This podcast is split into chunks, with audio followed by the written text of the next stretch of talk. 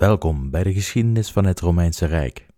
Vandaag zien we het tweede en laatste deel van de grote Samnitische oorlog en de gevolgen die dit had voor de Romeinse legioenen, om vervolgens Rome te verlaten, groter en sterker dan ooit.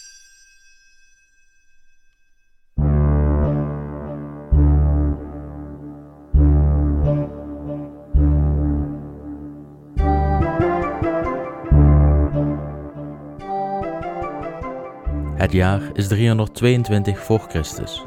De grote Samnitische oorlog is nu al zo'n vijf jaren bezig en de resultaten zijn voor de Romeinen naar verwachting. Er waren nog geen landen verloren, geen nederlagen geleden en de Senaat was zelfs in staat gebleken een nieuw vredesverdrag met Samnieten alleen te accepteren op bepaalde, voor de Samnieten zeer nadelige voorwaarden. Hier komen we dan ook terug waar we twee weken geleden gebleven waren. Nadat de dictator Lucius Papirius Cursor terug was gekeerd naar zijn kamp en de Samnieten aldaar versloeg, werden vanuit Samnium gezanten naar de Senaat gestuurd. Het doel was dus om vrede te sluiten met de Romeinen, zij het voor een bepaalde periode. Dit lukte echter niet door de voorwaarden gesteld door de Senaat. Daarvoor in de plaats kwam er een wapenstilstand voor de duur van één jaar. Beiden gingen akkoord, maar al snel werd de wapenstilstand door de Samnieten verbroken toen zij hoorden dat Papirius Cursor zijn dictatorschap had neergelegd en zij weer hoop kregen in een succesvolle uitkomst van de oorlog. Dit verbreken van het verdrag werd in Rome met afschuw ontvangen, en de consuls van dat jaar werden met een leger bewapend om Samnium opnieuw binnen te trekken. In de tussentijd werd het conflict groter door de bemoeienis van derden, waaronder de Apuliërs, het Italische volk afkomstig uit hedendaags Apulië in Zuidoost-Italië. Ook escaleerde de oorlog verder omdat er berichten kwamen dat de Samnieten op grote schaal huurlingen in de arm hadden genomen. Dit zou een toename zijn aan mankracht, welke de Romeinen niet zomaar zouden kunnen stoppen. Het volgende jaar werd er dan ook terstond een nieuwe dictator aangesteld. Deze dictator liet direct op efficiënte wijze de soldaten oproepen uit alle uithoeken van de republiek werden de beschikbare mannen verzameld en bewapend met de beste wapens die beschikbaar waren. Zowel in grootte als in kracht was het een leger dat Rome nog niet eerder op de been had weten te brengen. De precieze grootte wordt helaas niet vermeld. Dit nieuwe leger moest voor eens en altijd duidelijk maken aan de buitenwereld waartoe de Romeinen in staat waren. Een indrukwekkende demonstratie van logistieke organisatie door in zo'n korte tijd zo'n groot leger op de been te brengen. De vijand zou geen schijn van kans maken. Dit verliep echter net even anders dan de Romeinen verwacht hadden. De dictator was in Samnium aangekomen en hij had ingeschat dat wanneer hij zo snel mogelijk Samnium in zou marcheren, hij de vijand zou kunnen verslaan voordat alle huurlingen op één plek verzameld zouden zijn. En dus zette hij zijn tocht in met haastige spoed. Hij liet zijn kamp opbouwen nog voordat het terrein eromheen verkend was. En juist deze haast en onvoorzichtigheid kostte de Romeinen bijna hun leger. Het kamp bleek opgebouwd op korte afstand van de vijand, en het terrein was in het nadeel van de Romeinen. De Samnieten waren inmiddels versterkt door de huurlingen en waren in aantal even groot als de Romeinen. De nacht viel net op tijd voor de Romeinen om een directe veldslag voor twaalf uur uit te kunnen stellen. De dictator realiseerde zich dat hij in het nadeel was en hij liet zijn troepen in de nacht stilletjes terugtrekken uit het kamp. De Samnieten merkten dit op en nog tijdens de nacht werden de Romeinen achtervolgd in hun terugtocht. De kolonne werd in de rug constant aangevallen en tijd voor het bouwen van een nieuw kamp was er niet. De dictator wist dat als hij niets deed, de legioenen kansloos ten onder zouden gaan. En dus liet hij de mannen stoppen, de spullen neerwerpen en opstellen in gevechtslinies. Het gevecht startte bij het eerste ochtendlicht en de vijand had zich inmiddels ook opgesteld in gevechtsformatie.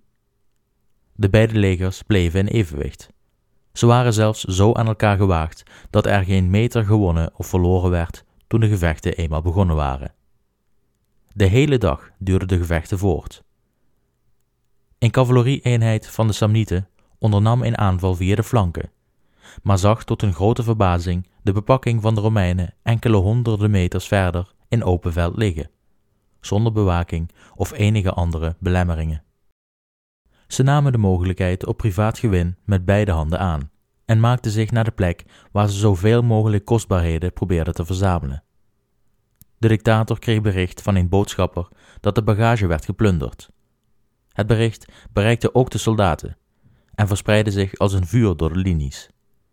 De Romeinse mannen werden ernstig in hun moraal en concentratie geschaad door het bericht en voor het eerst werden er meters vergeven aan de vijand. De dictator riep zijn meester van de paarden om direct met de cavalerie van het strijdtoneel te vertrekken om naar de bagage te gaan. De vijanden aldaar zouden verspreid zijn en de omgeving niet goed in de gaten houden, zoals bij iedere plundering met grote winsten in het vooruitzicht. De meester van de paarden vertrok met zijn ruiters en kwam op de plaats van de bagage de vijand tegen. Velen waren van de paarden afgestegen en slechts een enkeling had een zwaard in de hand. De hele vijandige cavalerieeenheid werd eenvoudig gedood en de Samnieten waren beroofd van hun ruiters. De Romeinse cavalerie keerde daarna snel terug en konden nu zonder tegenstand van vijandelijke ruiters hun gang gaan. De ene aanval via de flank volgde de andere op. De rug van de Samnieten werd aangevallen en voor het eerst die dag werd het bevel gegeven aan de legioenen vooruit te drukken. Het moraal van de Samnieten brak bij iedere aanval in de flank een stukje verder af, en uiteindelijk brak het volledig. De Samnieten vluchtten terug naar de landen waar ze zo plots van tevoorschijn waren gekomen, en een deel werd gedood of gevangen genomen tijdens de achtervolging. Deze duurde echter maar kort door het lange gevecht en de daarmee gepaarde vermoeidheid. De dictator was ontsnapt aan een nederlaag. Het terrein had hem verrast en de grootte van zijn vijandelijke leger had hij onderschat. Ze waren goed weggekomen. De dictator trok vervolgens verder Samnium binnen, waar hij naar hartelust plunderde, maar geen enkel vijandig leger meer zou tegenkomen voordat zijn termijn verliep.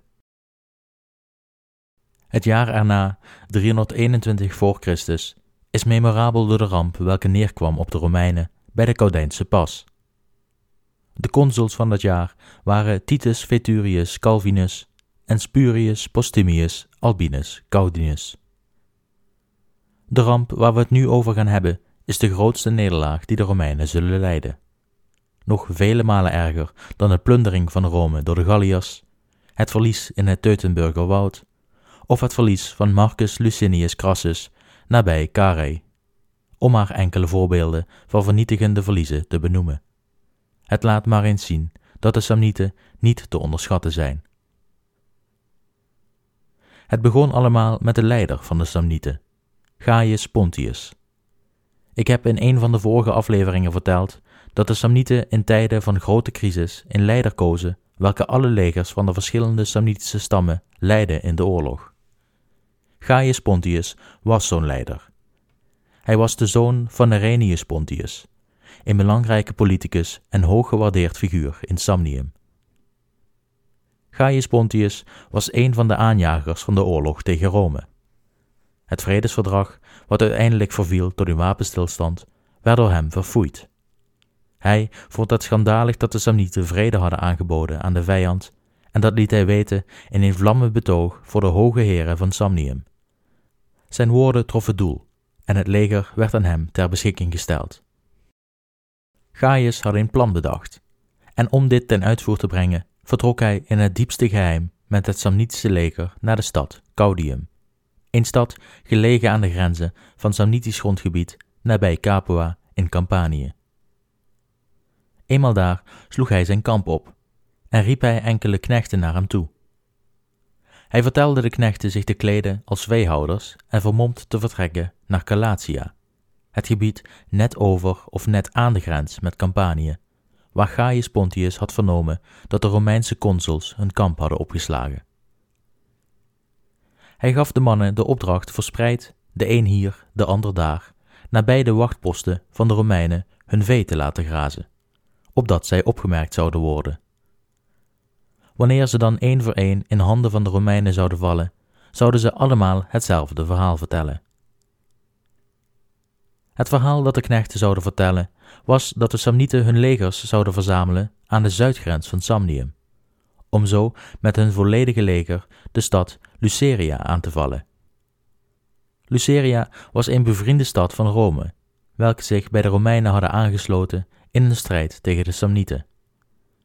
De stad was gelegen in Apulië, de hak van Italië, en het zou betekenen dat de Romeinen door Samnitisch grondgebied moesten marcheren voordat ze daar aan zouden komen.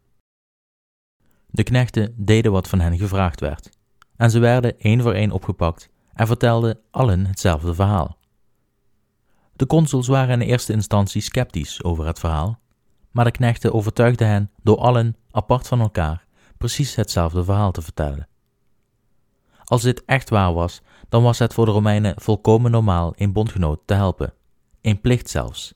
En daarbij waren de Romeinen bang dat Luceria de kant van de Samnieten zouden kiezen, wanneer zij tegenover zo'n overweldigende legermacht zouden komen te staan. De consuls lieten daarom direct het kamp afbreken om de bondgenoot te hulp te schieten. Vraag was alleen welke route zouden de Romeinen nemen. Men had de keuze uit twee routes. De eerste route zou de Romeinen begeleiden langs de Adriatische kust. De route was overzichtelijk en veilig, maar het zou vele malen langer duren om in Apulië aan te komen dan de tweede route. Deze route was de route die leidde door het binnenland. En om aan deze route te kunnen beginnen, moesten de Romeinen eerst door de Caudijnse pas. De route was een stuk korter, maar tevens risicovol. Het gebied van de Caudijnse pas zag er namelijk als volgt uit. Allereerst moest men door een smalle bergpas, met steile, rotsachtige bergen aan weerszijden, om vervolgens langs smalle weggetjes de afdaling te maken naar een dal. Dit dal was een stuk breder, maar ook omringd door dezelfde rotsachtige, steile bergen. Het dal bestond uit een plateau welke geschikt was voor landbouw en het houden van dieren.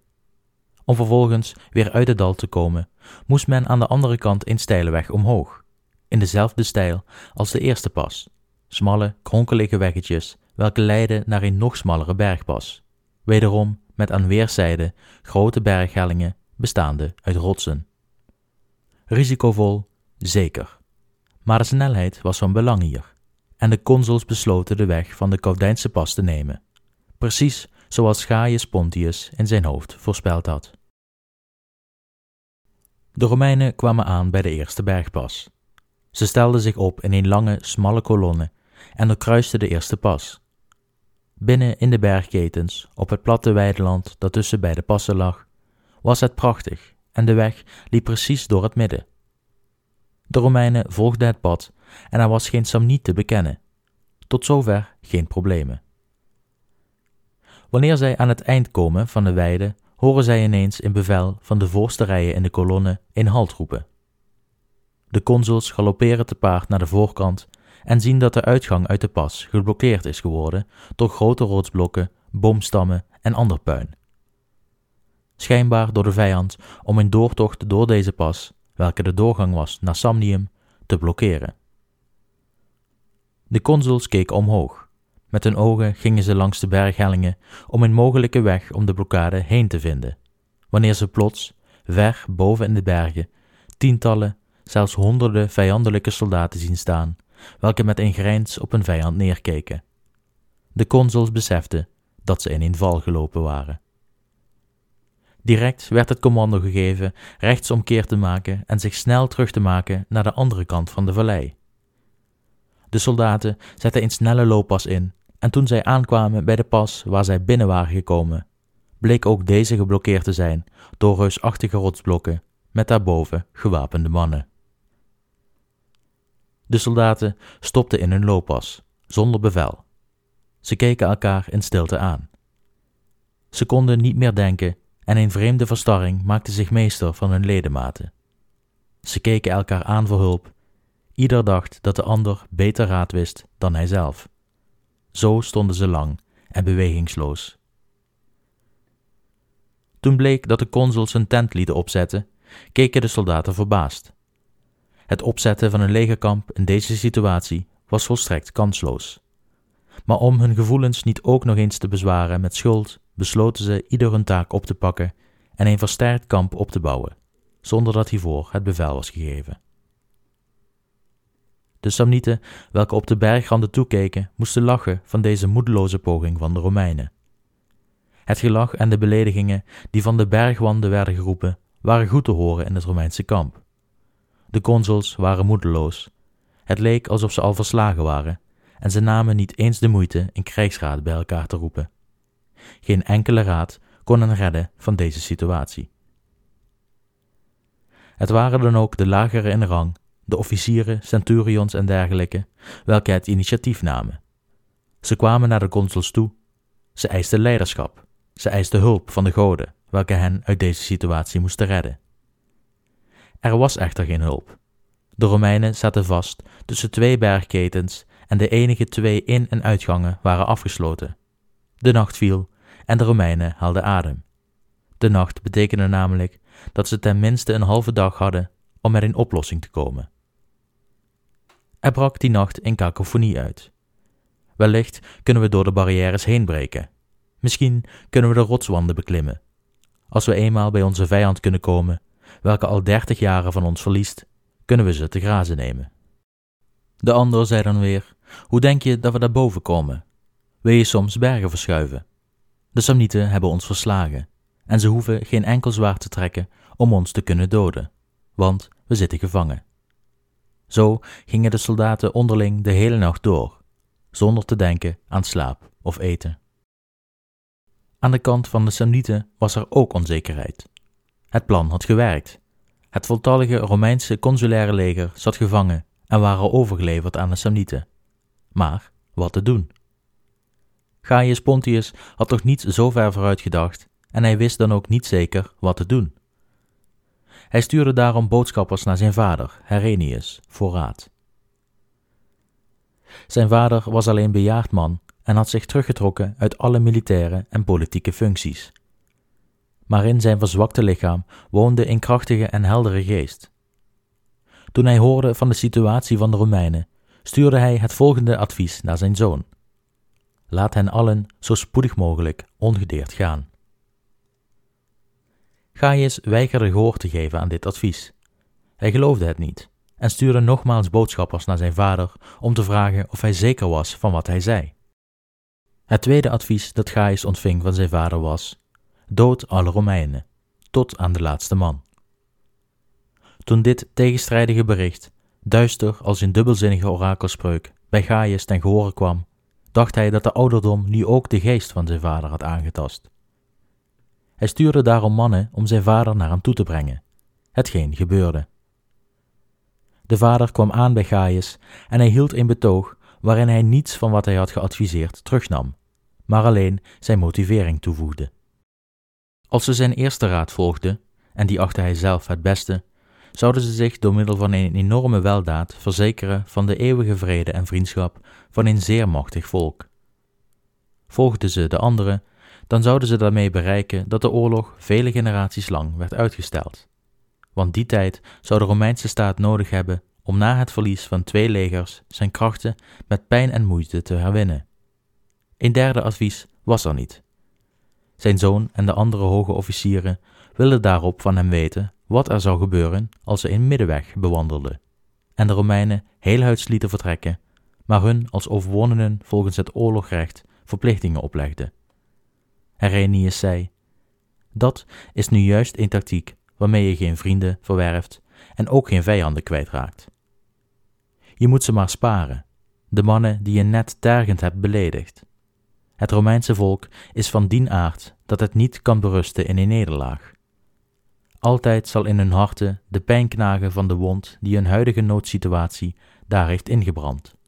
En die zal hun geen rust laten voordat ze van jullie straffen hebben geëist die vele malen groter zijn. Geen van beide voorstellen werd aangenomen, en Arrhenius liet zich uit het kamp naar huis brengen. In de tussentijd probeerden de Romeinen uit hun benarde positie vrij te komen, maar niets bleek succesvol. En dus was de laatste mogelijkheid om in onderhandeling te treden met de vijand, waaraan zij waren overgeleverd. De boodschappers kregen de opdracht mee om een billijke vrede te vragen, en, als dat niet haalbaar bleek, de Samnieten uit te dagen tot een gevecht in de vallei.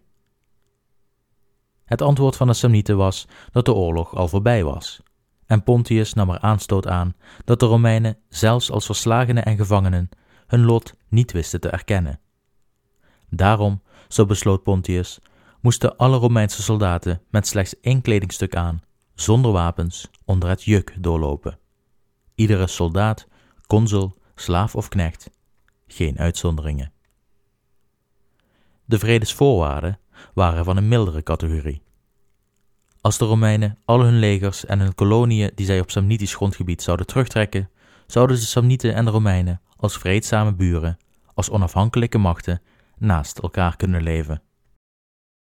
Maar eerst voor er vrede kwam, moesten de Romeinen de groteske belediging ondergaan en een meerdere erkennen in de Samnieten door één voor één onder het juk door te lopen.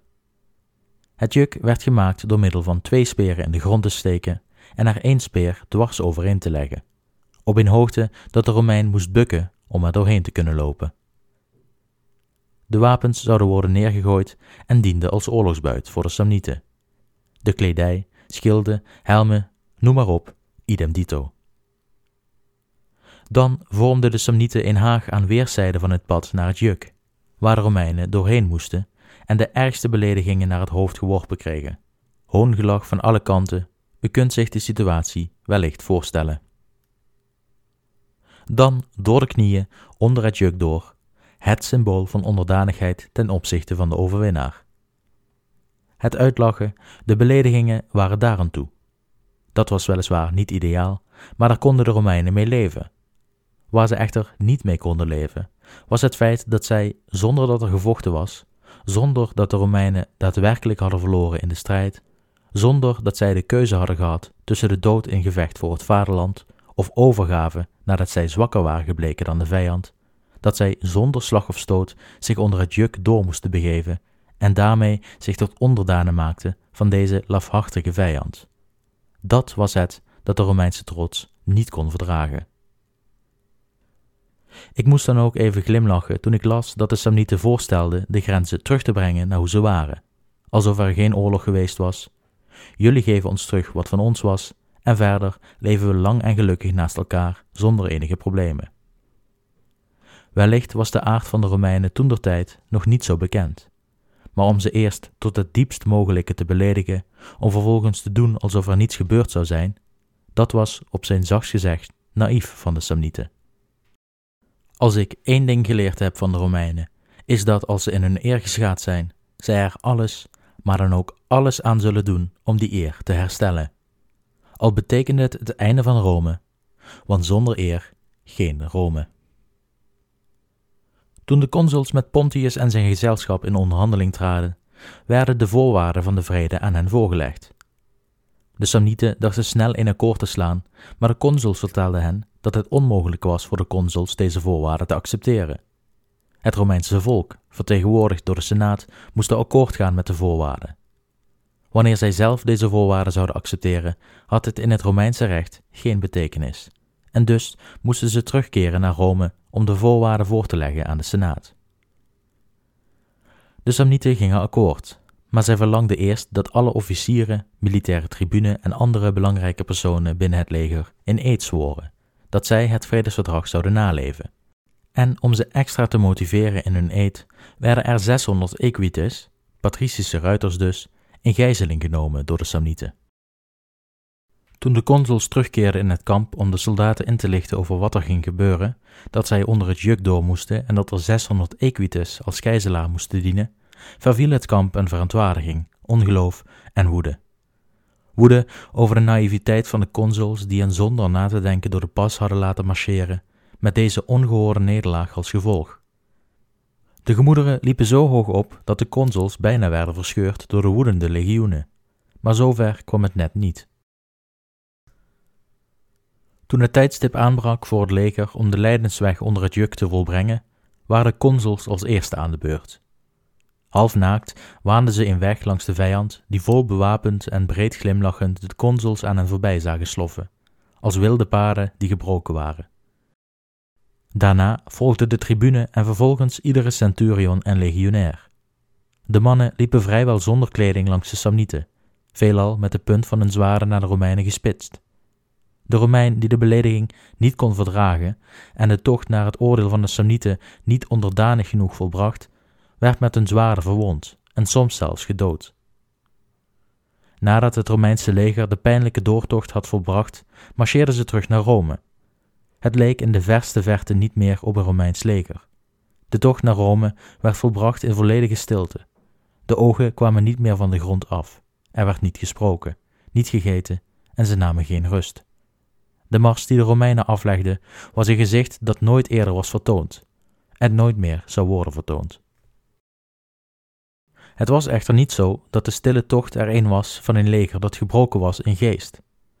Het was een stille tocht doordat de woede van deze vernedering de harten van de Romeinse soldaten in vuur en vlam had gezet. Deze woede zou zo diep geworteld zijn, zo hardnekkig, dat deze in geen woorden uit te drukken was.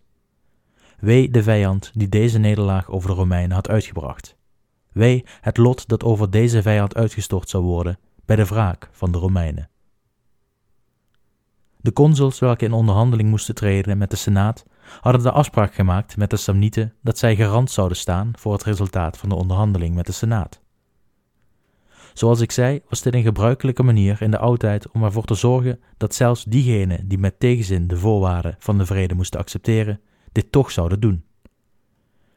Er werden offers gebracht aan de goden om ervoor te zorgen dat wanneer de consuls zich niet aan hun woord zouden houden, het volk van Rome gestraft zou worden door de goden. Zo erg dat verdoemenis van de Romeinse staat het resultaat zou zijn. Tevens moesten de consuls en de militaire tribune terugkeren naar de Samnieten om de 600 equites, ofwel de 600 zonen van de rijkste mannen in Rome, terug te krijgen. En alleen als het verdrag geaccepteerd zou worden, mochten de consuls weer terugkeren naar Rome. Was dit niet het geval, dan werden zij verkocht als slaven in Samnium. Normaliter was dit genoeg om een overwonnen volk de voorwaarden te laten accepteren. Maar zoals ik wel vaker heb gezegd, de Romeinen waren uit ander hout gesneden. Het is onduidelijk wanneer Postumius, een van de consuls, had besloten het verdrag niet na te leven. Of het al aan het begin van de omsingeling zijn plan was, of dat hij het bedacht toen hij in Rome aankwam. Maar toen hij de Senaat inlichtte over de voorwaarden van het vredesverdrag, drong hij er bij de Senaat op aan deze niet te accepteren maar te weigeren, en direct het leger te herbewapenen om een furie over de Samnieten te laten uitstorten. Hij zelf en zijn collega's waren naïef geweest, maar dat betekende nog niet dat Rome de nederlaag moest accepteren. Hij voegde daaraan toe dat hij zelf, de andere consul en alle andere mannen die garant stonden voor het verdrag, terug zouden keren naar waar Pontius op hen wachtte, om hen aan hem over te dragen en de consequenties van het niet eerbiedigen van het verdrag zouden ondergaan. Zo zou Rome onder het verdrag uitkomen en de oorlog voort kunnen zetten. De Senaat, welke de consuls hadden willen straffen in de meest afgrijselijke manieren die men kon bedenken, prezen de consuls naar de hemel voor hun moed. De consuls keerden met hun gevolg terug naar Pontius, waarna de 600 equites werden vrijgelaten, en hij vertelde Pontius over het weigeren van de voorwaarden door de Senaat. Pontius werd woest het negeren van de voorwaarden van de overwinnaars was onrechtmatig, en de slinkse Romeinen dachten met dit slimme trucje zich onder een religieuze verplichting uit te krioelen, door het verdrag met juridische handigheden te verbreken. Dat de consuls dachten een republiek te kwijten van de verplichting door zich simpelweg over te geven, was belachelijk. Maar voor hem stond Postumius, die precies dat deed. Als Rome een spelletje bluff wilde spelen met de goden, dan was dat prima voor Pontius. De straf zou toch wel volgen. En hij liet daarom de consuls en iedere andere Romein gaan. Zo zorgde hij ervoor, in ieder geval gezien vanuit Samnitisch perspectief, dat het verdrag gebroken bleef, doordat de consuls hun straf niet hadden ondergaan. En dat de Samnieten hun oorlog konden voortzetten, doordat de afspraken in het verdrag geen gevolg zouden krijgen. Of dit verhaal echt gebeurd is, weten we niet. Feit is namelijk dat in de vijf jaren na de nederlaag bij de Caudijnse Pas geen vijandigheden hebben plaatsgevonden tussen Rome en Samnium. Of dit toe te schrijven is aan een voorzichtig Rome dat na de nederlaag voorzichtiger was in haar optreden, is de vraag. De nederlaag bij de Caudijnse Pas zal natuurlijk zeker een litteken hebben toegebracht op de eer van Rome. De Samnieten bleken slimmer en sluwer te zijn dan dat hen door de Romeinen werd toegeschreven.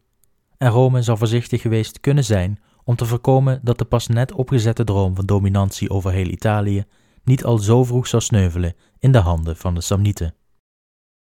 Waarschijnlijker is echter dat de Samnieten een wapenstilstand of vrede van vijf jaar aan de Romeinen hebben opgelegd, en dat de heldendaad van de consuls nooit heeft plaatsgevonden en is gefabriceerd door latere schrijvers.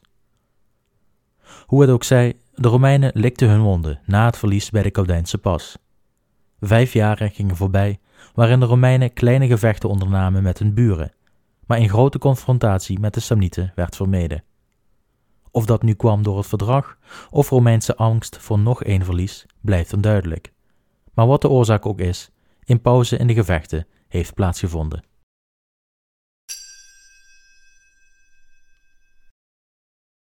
De oorlog werd voortgezet in 316 voor Christus. Met een wonder verzorgd begon de tweede fase van de oorlog. De oorlog begon echter op eenzelfde manier als dat die geëindigd was in het eerste deel.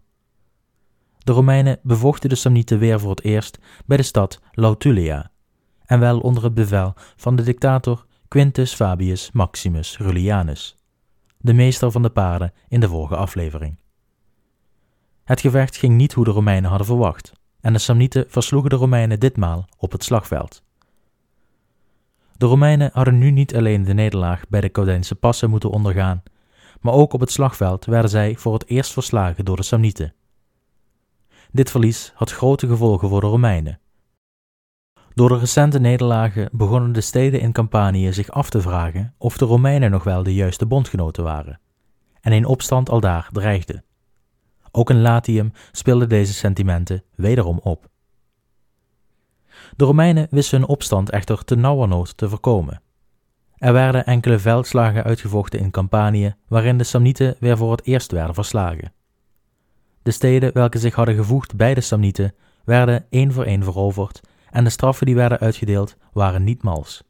Verschillende steden werden tot de grond toe vernietigd. De situatie voor Rome werd echter steeds en steeds slechter. Ja, ze hadden weten te voorkomen dat Campanië en Latium zich bij de Samnieten hadden gevoegd, maar hun eerdere bondgenoten in het zuiden van Italië, de Griekse stad Tarentum, voegden zich bij de Samnieten. En daarnaast waren er geruchten dat de Etrusken zich met de oorlog gingen bemoeien, en wel aan de kant van de Samnieten. De geruchten bleken meer dan gebakken lucht, en in 312 voor Christus brak dan ook de oorlog uit aan de noordkant van de republiek, met Etrurië. De vijandigheden met de Samnieten waren inmiddels weer wat gaan liggen door de recente overwinningen van de Romeinen in Campanië. Maar men kon hen allerminst negeren. Het was dan ook noodzakelijk voor de Romeinen om het leger op te splitsen tussen beide consuls. De een werd naar Samnium gestuurd en de ander naar het noorden, naar Etrurië. De consul die naar Etrurië werd gestuurd, werd echter ziek. En wederom werd er een dictator in zijn plaats verkozen om de situatie in Etrurië tot een goed einde te brengen. Terwijl de dictator zich voorbereidde op zijn campagne in Etrurië, werden in Samnium de eerste overwinningen geboekt. De Samnieten hadden een Romeinse kolonie overgenomen en alle Romeinen gevangen genomen of gedood. De Romeinen wisten deze stad echter terug in te nemen, maar de Samnieten wisten levend de stad te ontvluchten. Er werd daarna een valstrik opgezet door de Romeinen. Er werden hordes aan schapen in vallei ingestuurd en er werden geruchten verspreid naar Samnium dat deze honderden, zo niet duizenden schapen van de Romeinen voor het grijpen lagen. De Samnieten namen deze kans op voedsel met beide handen aan, en toen zij zich in de vallei begaven, stortten de Romeinen zich op hen van de hellingen die aan alle kanten de vallei inleidden. De Samnieten werden overrompeld en de furie die de Romeinen met zich meebrachten naar het slagveld, in een poging hun nederlagen uit te wissen, leidde ertoe dat zij zonder instructie van de consul de vijand in de pan hakten. Iedere Samniet in die vallei vond de dood. In de tussentijd waren de Etrusken in het noorden op oorlogspad. Ze vielen de bevriende Etruskische stad Sutrium aan, een stad die strategisch van groot belang was voor de Romeinen, omdat deze de toegangspoort tot Etrurië vormde. De dictator ging met zijn leger naar de stad, maar ze kwamen daar aan net voordat de nacht viel. De volgende dag boden de Etrusken echter een gevecht aan, en de slag vond plaats. Het ging gelijk op. Er vielen vele verliezen aan beide zijden, en het was wederom de nacht die een einde maakte aan de slag. De Romeinen hadden overwonnen zij het op de valreep. De oorlog in Etrurië werd vervolgens op een laag pitje gezet. Enerzijds doordat de Etrusken een belangrijk deel van het leger waren verloren en alleen nog reservisten tot hun beschikking hadden, en aan de andere kant de Romeinen, omdat ook zij zware verliezen hadden geleden. In 310 voor Christus ging de oorlog in Etrurië verder. De consul in het noorden van dit jaar was wederom Quintus Fabius Maximus Rullianus. En er vond wederom een veldslag plaats tegen de Etrusken. De aanval die de Etrusken inzetten was in ongeorganiseerde. Ze wierpen de speren te snel richting de Romeinen en de meeste misten doel. Nu de Etrusken geen wapens meer hadden om de Romeinen van afstand te bestoken, namen de Romeinen hoger gelegen grond in, waar vandaan zij vrij spel hadden alles op de vijand te werpen wat zij in hun bezit hadden. De linies van de Etrusken werden zo verzwakt dat zij het moraal verloren door de onophoudelijke regen aan projectielen, en ze vluchtten van het slagveld richting de Silvia Ciminia. De Silvia Ciminia was een enorm bos rondom de berg Ciminia, een van de bergen in de noordelijke Apennijnen. Geen Romein had dit bos ooit van binnen gezien, en met de hinderlaag van de Caudijnse pas in het achterhoofd waren de Romeinen angstig dit bos te betreden.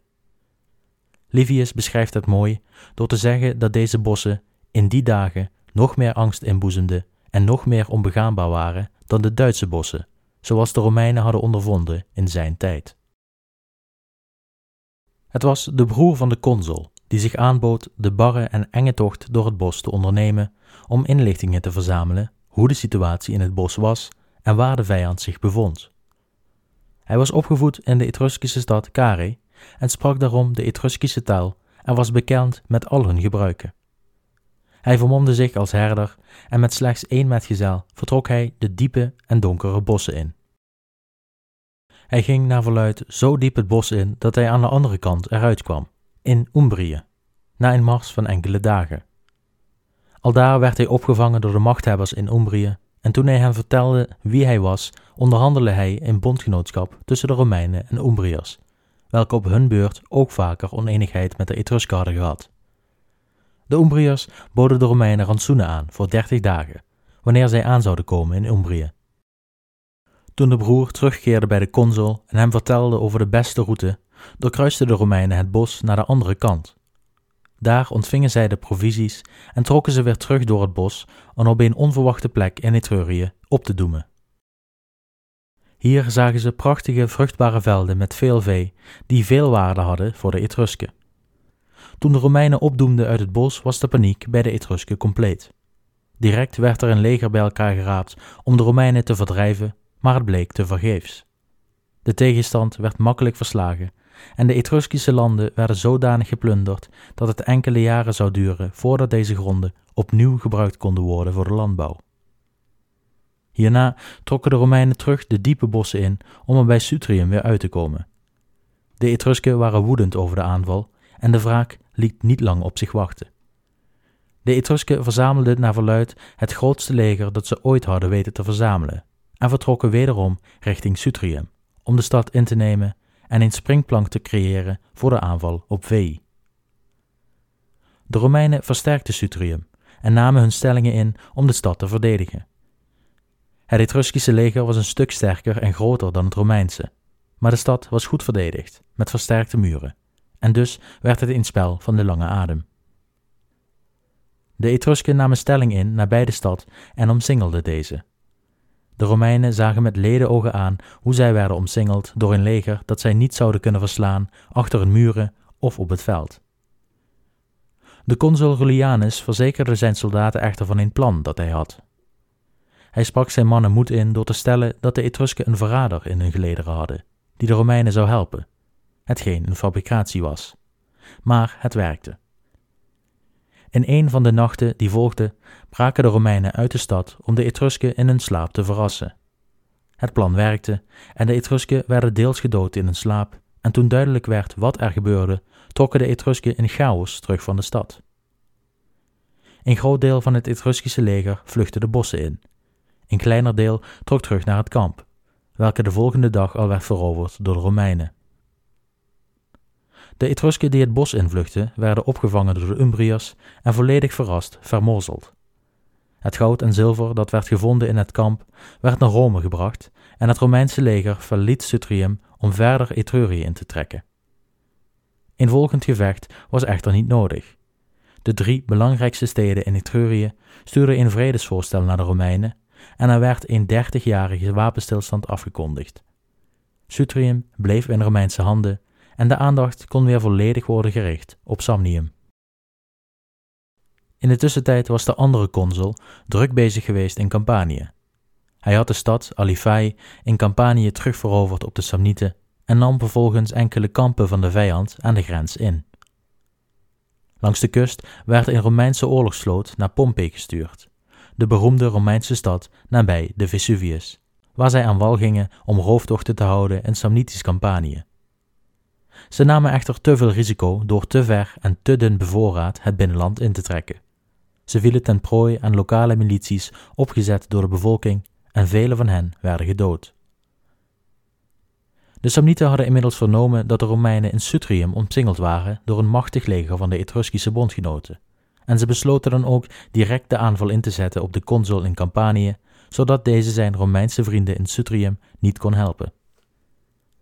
Het plan was om ofwel de consul te verslaan en als deze het gevecht vermijden, door te trekken naar Sutrium via Sabijns grondgebied om de Romeinen van het noorden aan te vallen. Immers lag Veii en daarna Rome voor het grijpen als Sutrium zou vallen. Ook de consul had dit door en hij koos er daarom voor de Samnieten te confronteren. Het gevecht dat volgde was een bloedige en bleef tevens onbeslist. Meerdere Romeinse officieren en tribunen vielen in de strijd en zelfs de consul werd verwond. Maar ook aan Samnitische zijde vielen veel slachtoffers. Nadat de andere consul Rullianus in Sutrium had overwonnen, werd hij teruggeroepen naar Rome om een dictator aan te wijzen om de campagne van de gewonde consul voor te zetten. De dictator die de Senaat voor ogen had, was een oude bekende van Rullianus, namelijk Lucius Papirius Cursor. Rullianus had begrijpelijkerwijs bezwaren tegen het aanstellen van zijn oude vijand als dictator, maar na enig aandringen van de Senaat, die enkele eerdere consuls naar hem toezonden om hem te overtuigen, ging hij overstag. Lucius Papirius werd nogmaals dictator en hij loste de gewonde consul af nabij Longula, een voormalig Volskische stad, nu onder Romeins gezag nabij de grens met Campanië. In het noorden verscheen ineens wederom een Etruskisch leger. Niet een leger dat de Romeinen kenden, maar waarschijnlijk een leger dat verzameld was door de kleinere Etruskische steden welke het eerder genoemde verdrag niet hadden getekend. Wederom vond er een gevecht plaats en de Romeinen vochten als leeuwen, maar het was de cavalerie die de overwinning bracht. Ze stegen af van hun paarden om als een infanterie de reeds vermoeide vijand te verslaan. Pas na deze slag was het Russische verzet echt gebroken. Alle legers waren vermozzeld en alleen burgermilities bleven over. De wapenstilstand zou nu wel degelijk stand houden. Althans, dat zou je denken. Een jaar later, in 309 voor Christus, begon de campagne van dictator Lucius Papirius Cursor in het zuiden. De Romeinen hadden inmiddels geleerd van hun foute vooroordeel dat de Samnieten makkelijk te verslaan waren. Het was in deze periode, na de vernedering van de Cordijnse pas en de nederlaag op het slagveld, dat de Romeinen begonnen met het reorganiseren van de tactieken. Niet langer wenste men gebruik te maken van de Griekse phalanxe, omdat deze tactieken de bewegingsvrijheid van de Romeinen sterk beperkten. Het gebied waar men in moest vechten, bergachtig gebied, was allerminst ideaal voor een logge phalanx. En dus kwamen de Romeinen op een nieuwe formatie om de Samnieten te counteren, het manipelsysteem. Kort uitgelegd werden de linies opnieuw ingedeeld. Niet langer was er één lange linie bestaande uit phalanxen, maar werden er drie assen geïntroduceerd. De eerste as bestond uit de hastati, de tweede uit de principes en de derde uit de triari. Aan de zijkanten bevonden zich de cavalerie en helemaal vooraan de speerwerpers en de slingers. De hastati werden opgemaakt uit de jongste soldaten met de minste dienstjaren. Deze vochten het eerste deel tegen de vijand en lieten zich, wanneer zij vermoeid raakten, terugtrekken achter de tweede as van principes. De principes bestonden uit mannen die zich reeds hadden bewezen in de oorlogen. Ze waren beter bewapend en meer gedisciplineerd. Wanneer deze in tijd hadden gevochten en vermoeid raakten, trokken ook zij zich terug achter de laatste linie, de Triari, de veteranen van het leger, met de meeste ervaring en sterkste discipline, zwaar bepanserd met de grootste schilden en dikste beplatingen. Zo zorgden de Romeinen voor afwisseling en verdeelden zij de energie over de linies. De volgende aflevering zal gaan over het systeem dat de Romeinen tijdens deze oorlog introduceerden en waarmee zij de hele mediterrane wereld veroverden. Voor nu houden we het even bij deze korte samenvatting, zodat u in ieder geval een beeld heeft van wat de nieuwe tactiek ongeveer inhield. De dictator stelde zijn mannen op voor het gevecht. De tegenstander, de Samnieten, hadden hun legers net voorzien van nieuw materiaal. De schilden die zij droegen waren groot en beschermden hen van voet tot de nek, versierd met goud en zilver. Het harnas wat zij droegen was van dik staal en beschermde het lichaam rondom. De zware gesmeden uit het hardste staal en allen droegen zij witte tunieken, vervaardigd uit de fijnste materialen beschikbaar in Italië. De helmen versierd met manen van in paard, die omhoog waren bevestigd op de helmen om de mannen groter te doen lijken dan dat zij daadwerkelijk waren. Het was een ontzagoproepend beeld, maar Papirius Cursor wist zijn mannen te overtuigen door te stellen dat een soldaat ontzag moest oproepen, niet door een verschijning in goud en zilver, maar door een daden op het slagveld. De harnassen en uitrusting waren geen garantie voor succes, daar deze als oorlogsbuit gezien moesten worden. Het behoorde slechts toe tot diegenen die als overwinnaars van het slagveld zouden terugkeren. Het duurde niet lang of het gevecht begon. De Romeinen, gesterkt door de woorden van een dictator, begonnen sterk aan het gevecht. De witte tunieken van de vijand werden al snel voorzien van een rood accent, middels het bloed van hun landgenoten. Door middel van het manipelsysteem werden de Samnieten tegengehouden en stonden zij steeds weer tegenover verse Romeinse krachten, welke ook nog eens, naarmate zij zelf steeds vermoeider raakten, meer en meer ervarener, sterker bewapend en beter beschermd bleken. Via de zijkanten werden de Samnitische linies constant aangevallen door de cavalerie en de speerwerpers en slingers deden hun werk door de Samnieten te blijven bestoken met projectielen. Toen de Samnieten op het punt stonden te breken, liet de dictator het bevel uitroepen om de laatste as naar voren te laten stormen. De Triari, nog vers in energie, waren het laatste zetje dat nodig was de Samnieten te doen breken. De Samnieten vluchtten terug naar het kamp, maar werden grotendeels beperkt in de bewegelijkheid door de zware bepansering. Het was een makkelijk prooi voor de verse Romeinse troepen en cavalerie. Wat overbleef was een veld vol dode lichamen, omhuld door met zilver en goud versierde oorlogsbuit, zonlicht reflecterend om een flikkerend spektakel voor het oog te verzorgen. De Samnieten die het kamp bereikten, konden zelfs dat niet behouden. Nog diezelfde dag werd het kamp ingenomen, de Samnieten gedood en het kamp verbrand. De veldslag werd overweldigend gewonnen door de Romeinen. De dictator kreeg een triomftocht voor zijn overwinning, welke nog nooit zoveel pracht en praal had meegebracht naar Rome in de vorm van oorlogsbuit. In de jaren erna werd Samnium ingevallen en verloren de Samnieten in stad aan de Romeinen. In Etrurië was wederom een stad die het verdrag schond, en ook hier overwonnen de Romeinen. De Etruskische stad had nog geprobeerd in vrede te betrachten toen de Romeinen opdoemden aan de poorten. Maar het verbreken van de vrede was één reden om hen niet nogmaals zo gemakkelijk ervan af te laten komen. Het voorstel werd geweigerd en de stad met geweld overgenomen. De Umbriërs deden ook nog een duit in het zakje, door zich ineens 180 graden te draaien en de Etrusken te hulp te schieten. Waarom? Joost mag het weten. Maar ook dit leger werd door de Romeinse consul verslagen. Er werd wederom een vredesverdrag gesloten en de Etrusken moesten iedere Romeinse soldaat één jaar loon betalen en voorzien van twee tunieken.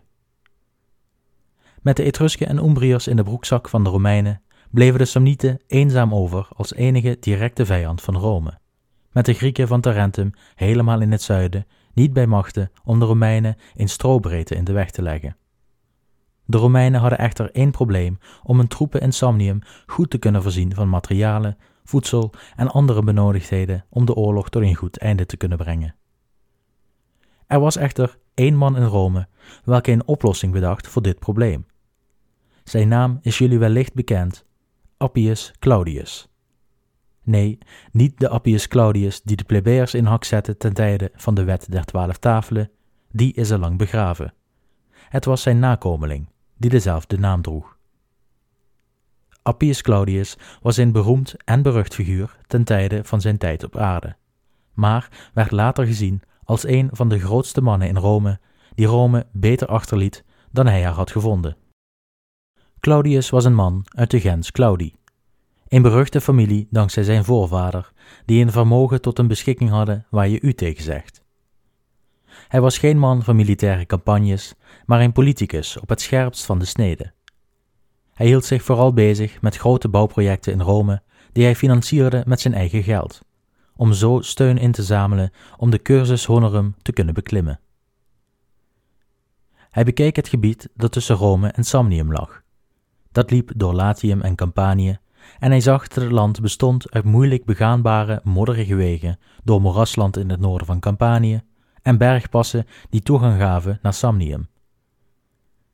In Samnium leefden de Samnieten niet geconcentreerd in steden, en dus was het moeilijk voor de Romeinen om in één grote veldslag de Samnieten op de knieën te krijgen door het veroveren van bijvoorbeeld hun hoofdstad. Appius bedacht daarom om een stenen rechte weg aan te leggen die door deze gebieden heen liep, over bruggen en voorzien van afwateringssystemen om de Romeinse legers snel van Rome naar Campanië te kunnen leiden en vervolgens hen gemakkelijk te kunnen voorzien van bevoorrading. Deze weg, welke zijn naam draagt, werd snel aangelegd en vormt de ruggengraat welke de Romeinen in staat stelde om dieper en sneller Samnium in te trekken, en waardoor zij zich minder zorgen hoefden te maken over de bevoorrading. Deze weg stelde hen in staat om Samnium stukje bij beetje te veroveren, versterkingen aan te brengen in bergpassen om te voorkomen dat de Samnieten het gebied konden terugnemen wanneer de Romeinen vertrokken waren, en om kampen op te zetten en te bevoorraden langs de rivieren die van en naar Samnium leidden. Het eerste deel van de weg werd aangelegd in 312 voor Christus en diende dus in eerste instantie een militair doel, maar werd in de latere jaren en periode van de Romeinse Republiek en het Rijk een van de belangrijkste wegen waarlangs graanvoorraden en andere handelswaar van en naar Rome konden worden gebracht. Het droeg in grote mate bij aan de overwinning op de Samnieten in de Tweede en Derde Samnitische Oorlog.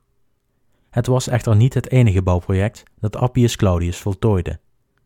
Hij zorgde tevens voor enkele aquaducten, welke Rome verzagen van vers drinkwater, welke ook zijn naam droegen. Appius Claudius was echter niet onomstreden. Hij veroorzaakte een constitutionele crisis in Rome door niet af te treden aan het eind van zijn termijn als censor. Sterker nog, hij zal vijf jaar lang dienen als censor, hetgeen ongehoord was in deze tijd. Ik zal de details besparen hoe en waarom hij dit deed, maar het maakte hem berucht, en naar verluid werd hij gestraft door de goden voor het negeren van de wetten van Rome. Hij werd namelijk getroffen door een ziekte welke hem blind maakte, en hem de ognomen Caicus bezorgde, de blinde. Ondanks zijn onorthodoxe staat van dienst werd hij aan het eind van zijn leven en erna geprezen om zijn inzet voor de stad Rome, welke hij grote verdiensten had geleverd door zijn bouwprojecten en met name door de financiering en aanleg van de Via Appia, of weg van Appius. De Via Appia bracht de Romeinen dus eindelijk het voordeel in de oorlog tegen de Samnieten. Steeds meer gebieden werden geannexeerd. Steeds vaker werden de Samnieten verslagen door middel van het manipelsysteem en de Samnieten bleken de verloren gebieden niet meer terug te kunnen veroveren. De verschillende stammen werden door de nieuwe tactiek van de Romeinen van elkaar afgesloten. Niet langer waren ze in staat elkaar te helpen of zelfs vrij te reizen door Samnium. In essentie was het een gigantische belegering van heel Samnium door de Romeinen. En de Samnieten begonnen de gevolgen steeds meer te voelen, doordat het licht aan het eind van de steeds beklemmendere tunnel leek te verdwijnen. De Samnieten hielden zo lang vol als ze konden, maar uiteindelijk in 304 voor Christus, 22 jaren na het begin van de oorlog, zochten ze opnieuw vrede met de Romeinen, wat een einde maakte aan de grote Samnitische oorlog. Ze hadden inmiddels een groot deel aan territorium moeten inboeten op de Romeinen en er waren inmiddels dertien nieuwe koloniën gesticht in Samnium door de Romeinse staat. In het noorden waren de Romeinen diep in Etruskisch territorium doorgedrongen en hadden ze middels wapens of verdragen de eens zo machtige confederatie van Etruskische steden op de knieën gebracht. De Samnieten werden gedwongen tot een vredesverdrag waarbij veel van hun land aan Rome werd overgedragen. Centraal-Italië, dat ooit werd geregeerd door een fragmentatie aan onafhankelijke staten, welke onder elkaar vochten om de macht, werd nu gedomineerd door één centrale en machtige staat, de Romeinse Republiek. Het enige land dat nog niet was aangetast door de Romeinen waren de Griekse stadstaten in het zuiden van het Italiaanse vasteland. De Romeinen deelden het Romeinse burgerschap uit aan nieuwe volkeren die vielen onder de Republiek. Wederom op de manier als dat ze in Latium ook hadden gedaan. De steden die zich open hadden gesteld voor de Romeinen kregen alle rechten van het Latijns burgerschap. Steeds meer zagen de machten in Italië dat de toekomstige welvaart, vrede en voorspoed wel eens sterk afhankelijk zou kunnen zijn van de relatie met Rome. Hoewel er natuurlijk ook tegenstand was van de gevestigde orde in Italië, denk aan de Samnieten en de Grieken, was de teneur over het algemeen dat de kleinere mogendheden, aparte steden en dergelijke steeds opener stonden voor de Romeinen. En het feit dat zij zagen hoe de Romeinen omgingen met steden die hen verwelkomden, had een aanzuigende werking. Maar niet alleen de buitenwereld begon te veranderen ten opzichte van Rome. Ook Rome zelf begon langzaam maar zeker met een metamorfose. Ten eerste was er natuurlijk de verandering in tactieken van de legioenen, waarmee ze reageerden op het terrein en de tactiek van de vijand. Daarnaast begon ook de stad Rome meer te lijken op de stad die we kennen van de plaatjes. De Via Appia had een hele grote rol gespeeld in de oorlog met de Samnieten en de facto gezorgd voor de overwinning. Het nut van de wegen werd voor het eerst goed in de praktijk ervaren door de Romeinen. De aquaducten die Appius aan liet leggen, gaf de stad toegang tot vers water, bracht de mogelijkheden tot een functionerende riolering, badhuizen, moderne toiletten, etc. Kortom, Rome begon aan de ontwikkeling van een culturele voorsprong op haar buren. De oorlog met de Samnieten was voor nu even beslist. Maar over tien jaar zullen de Samnieten nog één wanhopige poging doen los te breken van de Romeinen, in een algemeen gevecht voor onafhankelijke Italiaanse staten, waarbij ze een coalitie opzetten samen met de overgebleven Etrusken, Umbriërs en zelfs de Galliërs om te proberen Rome te breken, voordat ze te sterk was om gestopt te kunnen worden. Maar dat gaat niet het onderwerp zijn van de volgende aflevering. In de volgende aflevering gaan we eerst kijken naar de overgang van de Romeinen van een phalanx naar een manipelsysteem. Wat beide eigenlijk inhouden en waarom de ene beter is dan de ander. Dit was het weer voor deze aflevering. Ik hoop dat het een beetje gelukt is deze chaotische periode in de Romeinse geschiedenis goed uit te leggen. En dat u aan deze en de vorige aflevering een goed beeld overhoudt van de grote Samnitische oorlog. Voor alle luisteraars Wederom bedankt voor het luisteren en tot de volgende aflevering, welke zal verschijnen over twee weken op 2 september 2019 tussen 16 en 17 uur.